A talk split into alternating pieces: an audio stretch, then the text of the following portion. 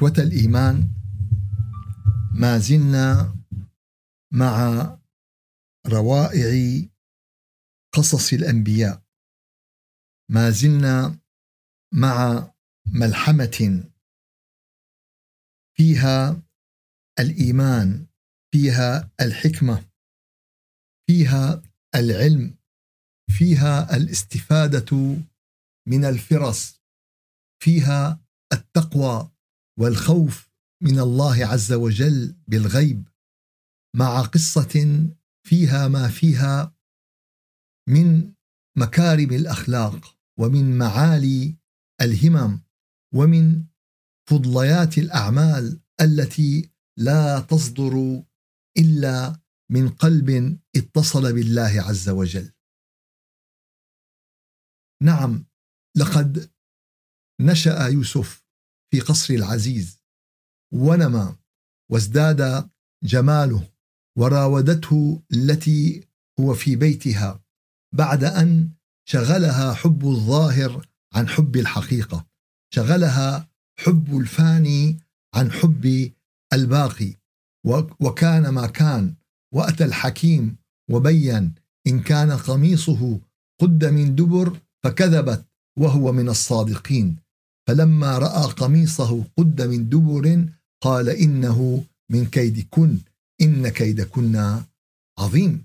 فنعم هؤلاء الذين كادوا ليوسف والذين مكروا بيوسف والتي غلقت الأبواب والتي راودته وكل من يفعل هذا الفعل أو شبيها بهذا الفعل فإنه من كيد العظيم الذي ذكر في هذه القصة. يوسف أعرض عن هذا واستغفري لذنبك. هكذا يتعامل أصحاب المصالح مع القضايا مع المصلحة. يريد أن آه أن الأمور تهدأ وأن الأمور لا تصبح يعني آه قصة تتداولها الألسن. ولكن هذا الأمر لن يكون. لن يكون. فكل سر جاوز الاثنين شاع. القصة اليوم هي العزيز امرأة العزيز يوسف والحكيم الذي حكم وبين هؤلاء الأربعة الذين علم علموا بالقصة. ولكن انتشر الخبر. نعم فكل سر جاوز الاثنين شاع. وهناك من يفسر هذا القول فيقول الاثنين إنه أي سر بيتجاوز شخصين وبعضهم قال الاثنين هي الشفتين. يعني أي كلام تتكلم به فاعلم أن هذا الكلام سينتشر. يوسف أعرض عن هذا. واستغفري لذنبك. إنك كنت من الخاطئين.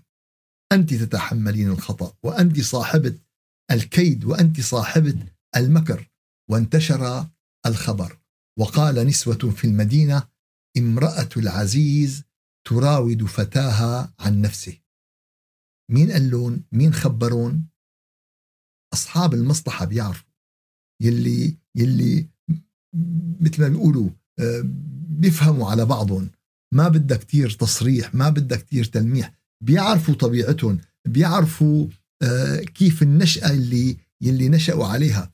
وهذا بتلاقيه بين مجموعات الناس بين رفاق السوق بين الكذا فبتلاقيهم بيفهموا على بعضهم مثل ما بيقولوا على الطاير بدون مبررات بدون شروح بدون وقال نسوة في المدينة امرأة العزيز تراود فتاها عن نفسه قد شغفها حبا إنا لنراها في ضلال مبين. الواقع أننا نتوقف هنا عند كلمة قد شغفها حبا. لننظر هل الحب نعمة أم نقمة؟ هل الحب عطاء أم بلاء؟ ما هي حقيقة هذا الأمر؟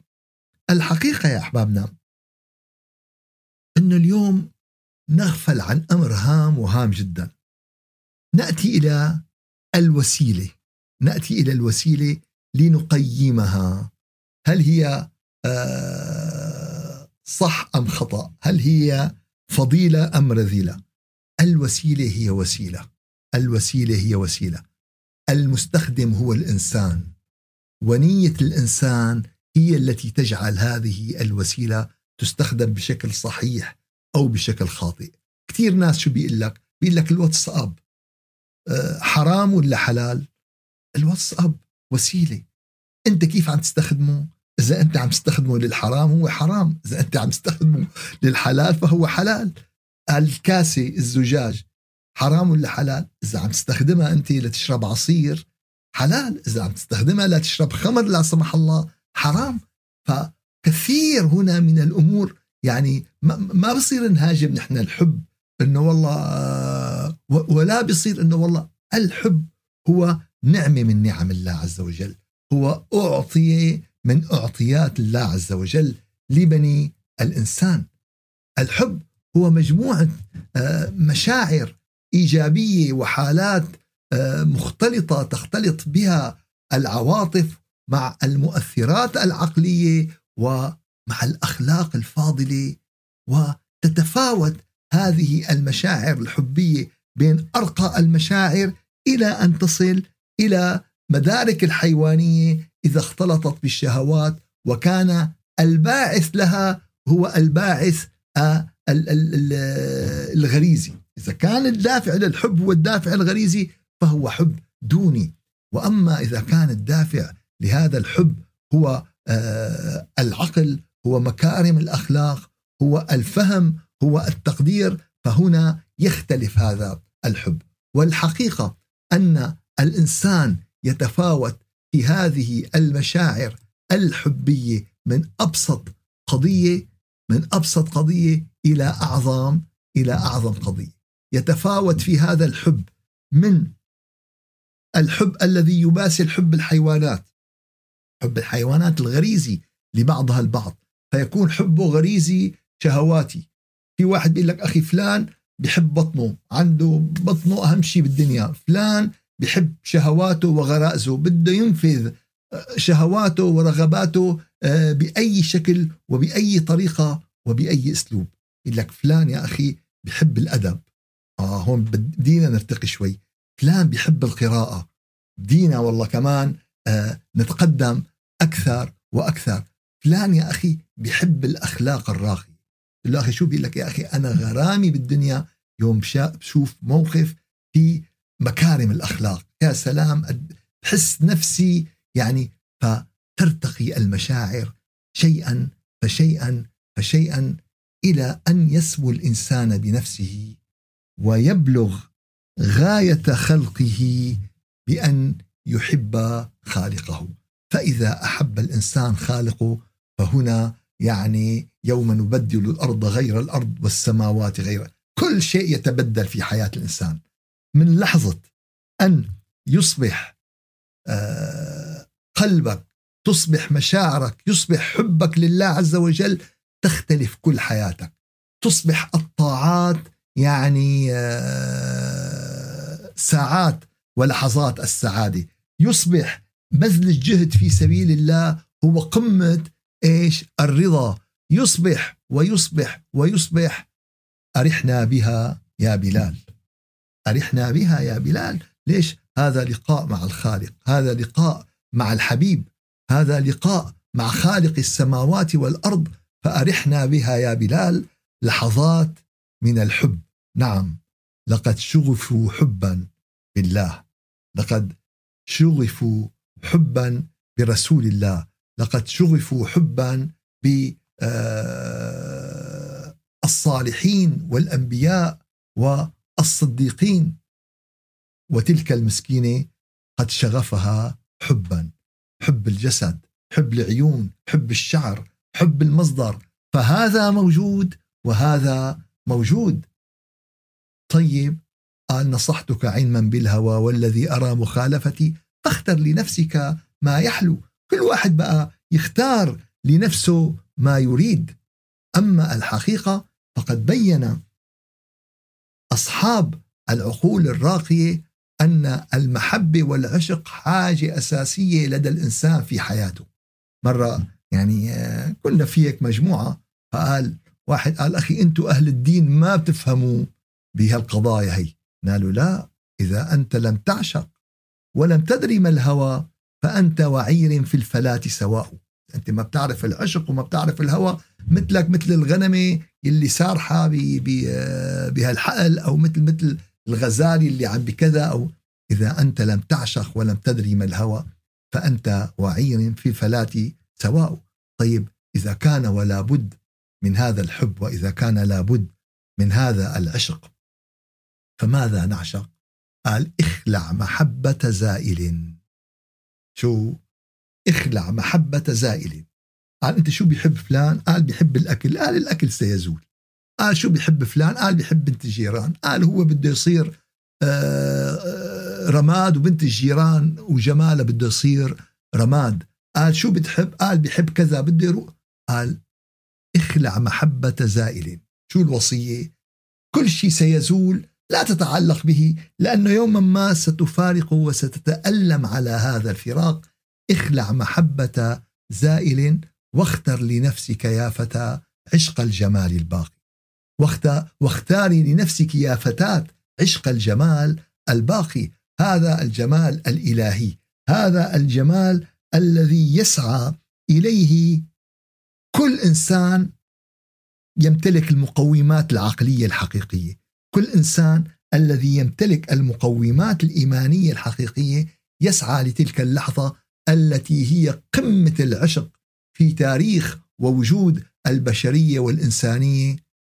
فاللي حصلها يا نياله واللي انحرم فيها يا تعاسته يا شقاؤه وجوه يومئذ ناظرة إلى ربها ناظرة. أرقى لحظات العشق الإلهي أرقى لحظات اللقاء. وهذا المشهد لمن فاته أمر من عذاب النار. ليش؟ وجوه يومئذ كلا إنهم عن ربهم يومئذ لمحجوبون ثم إنهم لصالوا الجحيم. أول شيء أنا أخطر أنه هن حجبوا عن رب وبعد ذلك أتى الجحيم هو درجة ثانية من العذاب. أما العذاب الأعظم فذلك هو الحجب هو ذلك العذاب الأعظم وأعظم من عقوبة جهنم هي الحجب عن رب العالمين. قد شغفها قد شغفها حبا. فهذا الحب كما ذكرنا يتنوع في الدرجات يتنوع في المشاعر وهذا الحب العاطفي الغريزي موجود ولكن سرعان ما ينطفئ. شو هذا الحب الفورة بيسموه. الحب اللي هو فورة اللي بيفور عند الإنسان هذا سرعان إيش؟ هذا الحب سرعان ما ينطفئ. ومتى ما انطفأ يبدأ بقى الإنسان ليغذي هذه الغريزة أكثر وأكثر وإنما على الإنسان أن يرتقي بهذا الحب ليصل به إلى ذلك المصاف كحب الأنبياء والمرسلين. ليش؟ حتى أصدقاء إنا لنراها في ضلال مبين. هذا هذا غلط. هذا الشيء اللي عملته شو؟ غلط. فلما سمعت بمكرهن هون بقى بديت قصص بقى أرسلت إليهن واعتدت لهن متكئا. وآتت كل واحد واحدة منهن سكينا وقالت اخرج عليهن. طبعا عطون سكين وجابت لهم فاكهة آسية مثل السفرجل أو مثل فلما رأينه أكبرنه وقطعن أيديهن وقلنا حاشا لله ما هذا بشرا؟ إن هذا إلا ملك كريم. سيدنا يوسف قمة هذا الجمال البشري وهذا الجمال النوراني الإيماني قالت فذلكن الذي لمتنني فيه. صار هلأ الحكي على المكشوف. صار هلأ ما عاد فيه. هذه المشكلة حينما يملك الإنسان القدرة و يصر على المعصية يصبح عنده جرأة على المعصية. الإصرار خطير يا أحبابنا. لذلك الإصرار يحول الصغيرة إلى إيش؟ إلى كبيرة. وهي قصة بدنا ننتبه عليها. قال أخي إيه شو عم بعمل أنا يا أخي؟ شغلة بسيطة هي. أوعى. أخي شغلة بسيطة ولا شغلة كبيرة بدك تستغفر. قصة بسيطة ولا بدك تستغفري. على الأقل تشعر أنه هذا اللي, اللي أنت عم تعمله هذا ذنب. هذا ذنب. إياك ثم إياك أن تعود نفسك على استسهال المعصية. بيجيك الشيطان يقول لك أنت غلطت آه، أنت بصيبك الحزن بصيبك الأذى. لا. شعرت بالذنب استغفر. الاستغفار هو دواء الذنوب. التوبة إلى الله عز وجل هي دواء هي دواء الذنوب. فإياك ثم إياك أن تصر إيش؟ على المعصية. إياك ثم إياك أن تقبل بهذه المعصية كواقع راهن. إنه خلص يا أخي أنا استسلمت. أوعك. رب العالمين فتح لك باب الاستغفار والاستغفار والاستغفار طالما أن هذه الروح في الجسد وطالما أن هذه الروح لم تغرغر ما وصلت إلى جوزة الحلق لساعة الروح موجودة في الجسد. ولقد راودته عن نفسه. فاستعصب ولئن لم يفعل ما آمره ليسجنن ولا يكن من الصاغرين. عند القوة. تحبسه. تسجنه. هيك الطغاة. يا بيساوي اللي بدي إياه يا بزته إيش؟ يا بزته بالسجن. ما في معادلة ما في حوار ما في صاحب حق. هو صاحب حق هو صاحب ما في. يا بيساوي اللي بدي إياه يا أما أنا شو والله بدي زته في السجن وهي عندها كامل القناعة أنه سيستجيب. امرأة جميلة وملكة وقصر وعندها كل شيء وعم بت... يعني أول كان في مراودة كان في آه، تغليق للأبواب كان هلأ ما في. يا سجن يا سجن يا أما أن ترتكب المعصية. وكان الجواب الصاعق وكان القنبلة المدوية. وكان يعني آه، زعيم أكاديمية الأخلاق العالية. زعيم آه، المثال للشباب الذي يتعرض للمغريات أو يتعرض للمراودة ويتعرض آه، هذا الشاب الذي لا صبو له هو الذي يباهي الله عز وجل به إيش؟ ملائكته. قال ربي السجن أحب إلي مما يدعونني إليه. السجن بروح السجن. ولا برتكب إيش؟ المعصية. بتوقع هالعقد ولا بتروح السجن؟ عقد في دمار للبلد وخراب للبلد؟ قال لا يا أخي. والله ألف عين تبكي ولا عين أمي. هيك صارت اليوم القضايا. هيك صارت. أخي مصلحة البلد ولا أنت والله بناخذك على السجن؟ والله كذا ولا كذا؟ أصبحنا اليوم لا. أصبحنا اليوم نؤسر الراحة نؤسر الكذا نؤسر. طبعا الإنسان لا يخطئ ويسعى إلى السجن. الإنسان لا يضع نفسه ولكن إذا وضعت بين خيارين بين خيارين قتل وغدر أنت بينهما فاختر وما فيهما حظ حظ لمختاري فشك غير قليل ثم قال له اقتل أسيرك إني مانع جاري قال ربي السجن أحب إلي. ما فكر ولا انتظر ولا آه، فهم شو يعني آه، وسجن وأي سجن. وسجن وأي سجن. أذكر مرة من المرات كنت في آه، مصر وأرادوا أن يعني يأخذوني إلى سجن سيدنا يوسف. فلما وصلت وجدت فتحة وبير ومن هون بيبدأ السجن. لا يا جماعة خلونا برا عم نتنفس هوا ما صعب ننزل هال هالنزل. يعني مو سجن حي الله مو سجن بسيط والله مو سجن.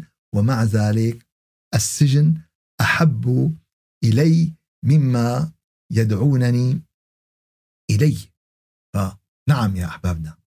ليس من يقطع طرقا بطلا. إن من يتقي الله البطل اللي بيتقي الله اللي بيحط رب العالمين بين عيونه اللي بيآثر رب العالمين على رغباته ونزواته وكل أموره فعنده الله اولا. والله من يجعل الله اولا في كل قضية من قضايا حياته الله عز وجل يجعله اولا في كل موقف من مواقف حياته.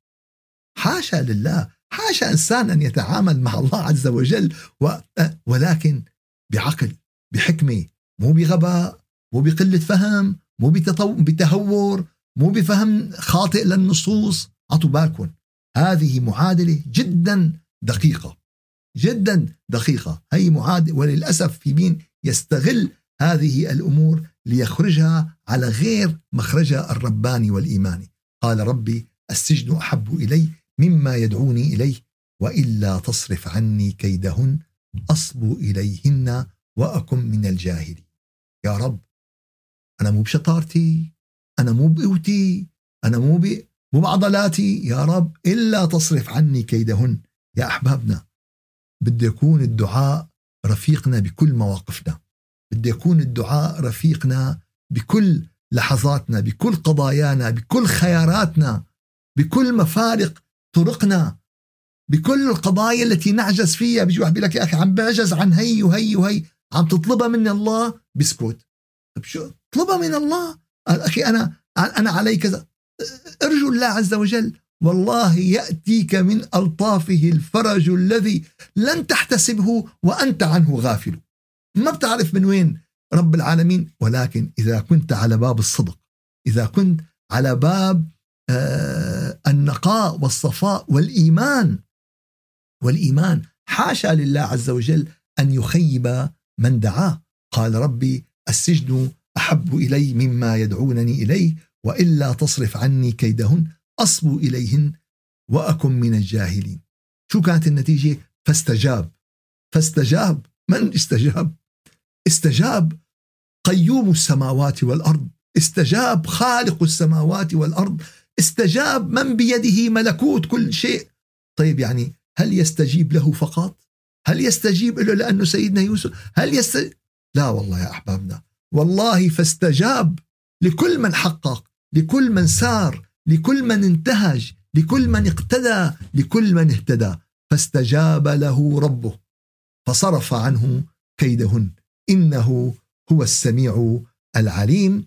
ثم بدا لهم من بعد ما رأوا الآيات ليسجننه حتى حين. طيب هون بقى المجلس تبع الطبخ تبع السياسة إنه أخي خلينا هلأ آه، هيك نحطه بالسجن لتهدى العاصفة.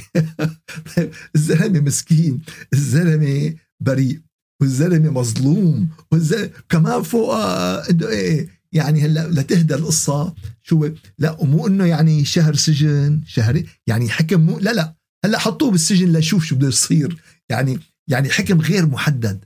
قمة الظلم يا أحبابنا. قمة الطغيان. قال إيه شو بس قال إيه دخل على السجن. قال إيه سيدنا يوسف دخل على السجن.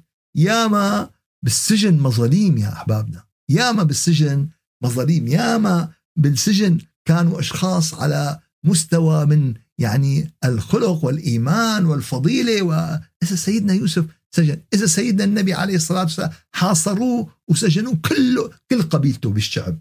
حاصروه حصار يعني لا أكل ولا شرب ولا مي ولا شيء ولا شيء حصار استئصال. السجن يا أحبابنا له أشكال وأنواع وسيدنا يونس انسجن سجن مرعب في بطن الحوت ولكن بقضية مختلفة تماما بظروفها وأحداثها فكذلك الأمر ولكن أخطر سجن لما بتسجن أنت أيها الإنسان روحك في قفص المعاصي. يوم تسجن اليوم الناس عندهم حرية بأقدامهم وبأجسادهم ولكن قلوب مسجونة والله.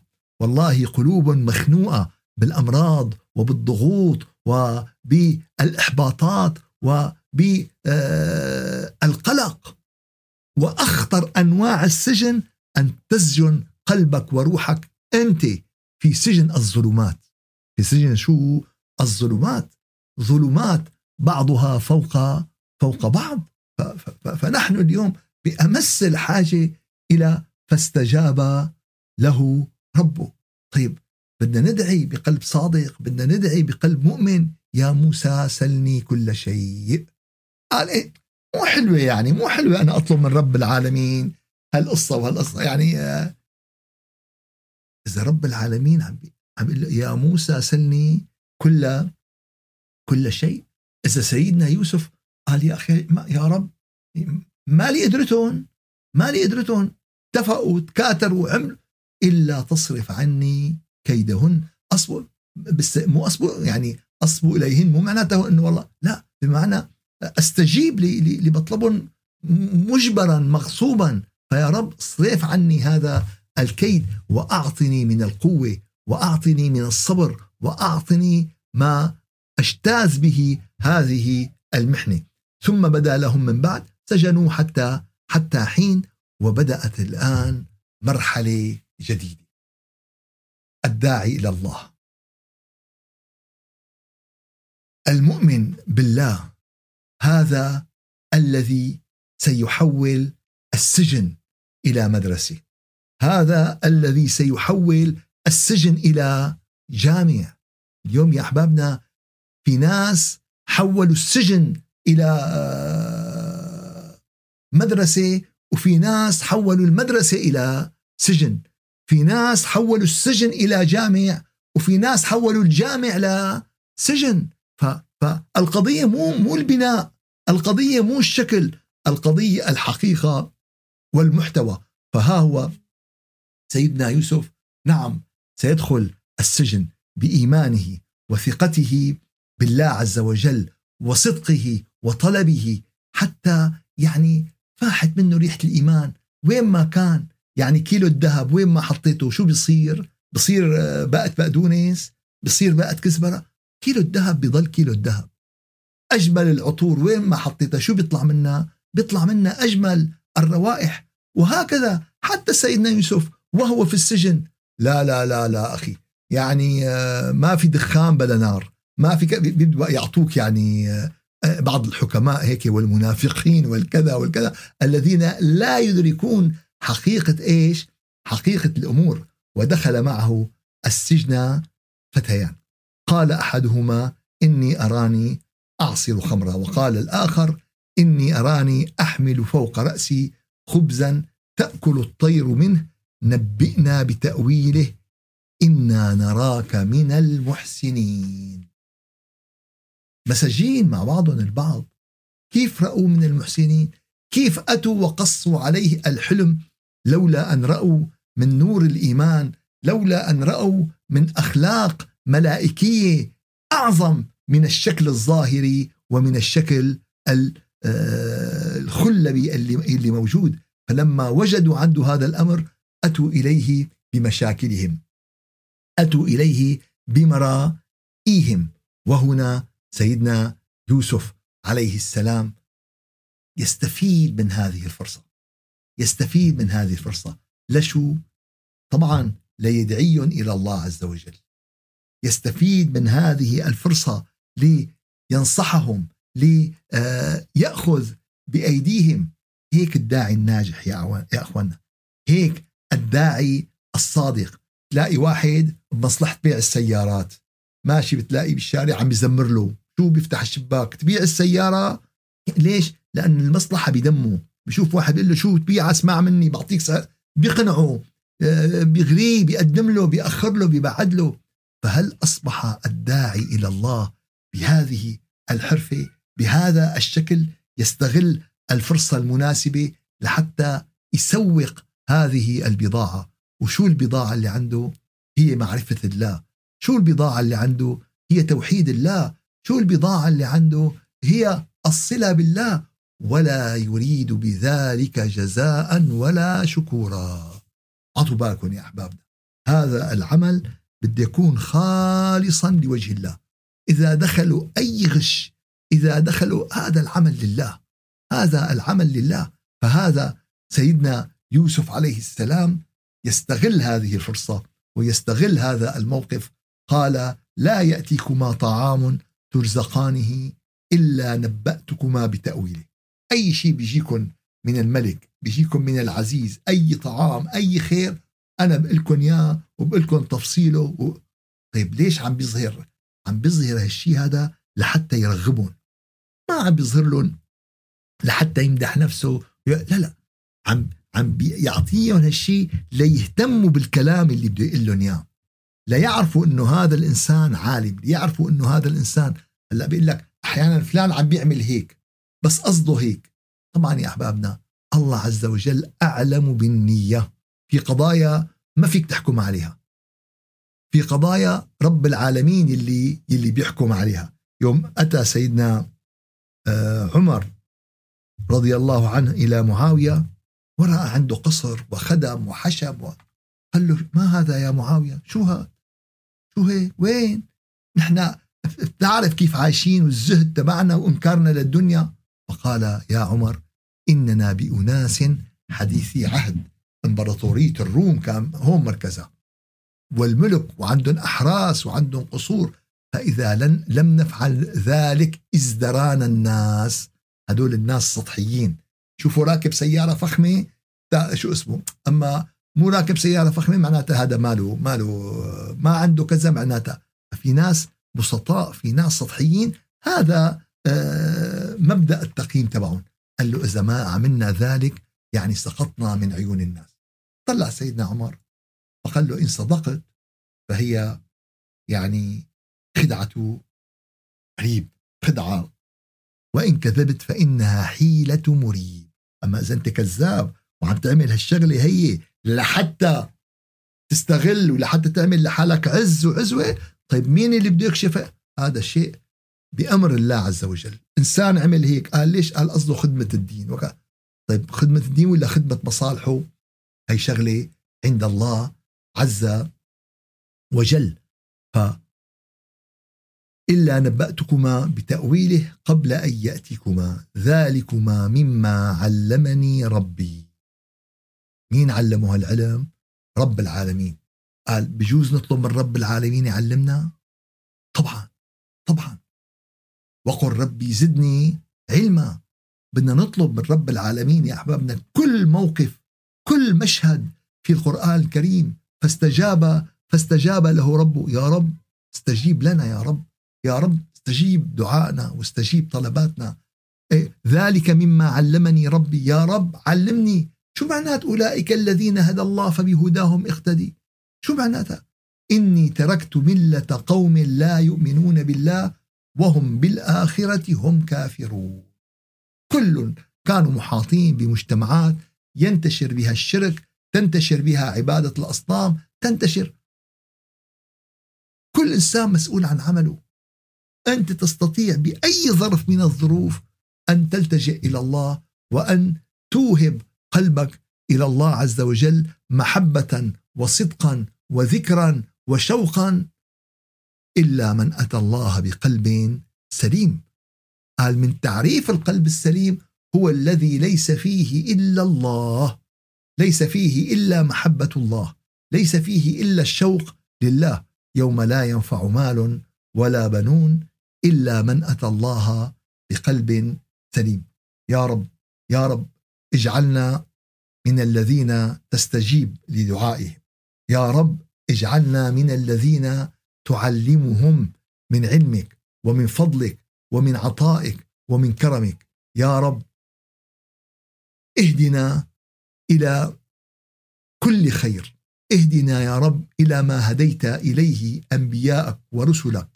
يا رب حبب إلينا ذكرك حبب إلينا تلاوة كلامك والحمد لله رب العالمين إلى شرف النبي وأرواح المؤمنين الفاتحة. أعوذ بالله من الشيطان الرجيم، بسم الله الرحمن الرحيم، الحمد لله رب العالمين وأفضل الصلاة وأتم التسليم على سيدنا محمد وعلى آله وصحبه أجمعين.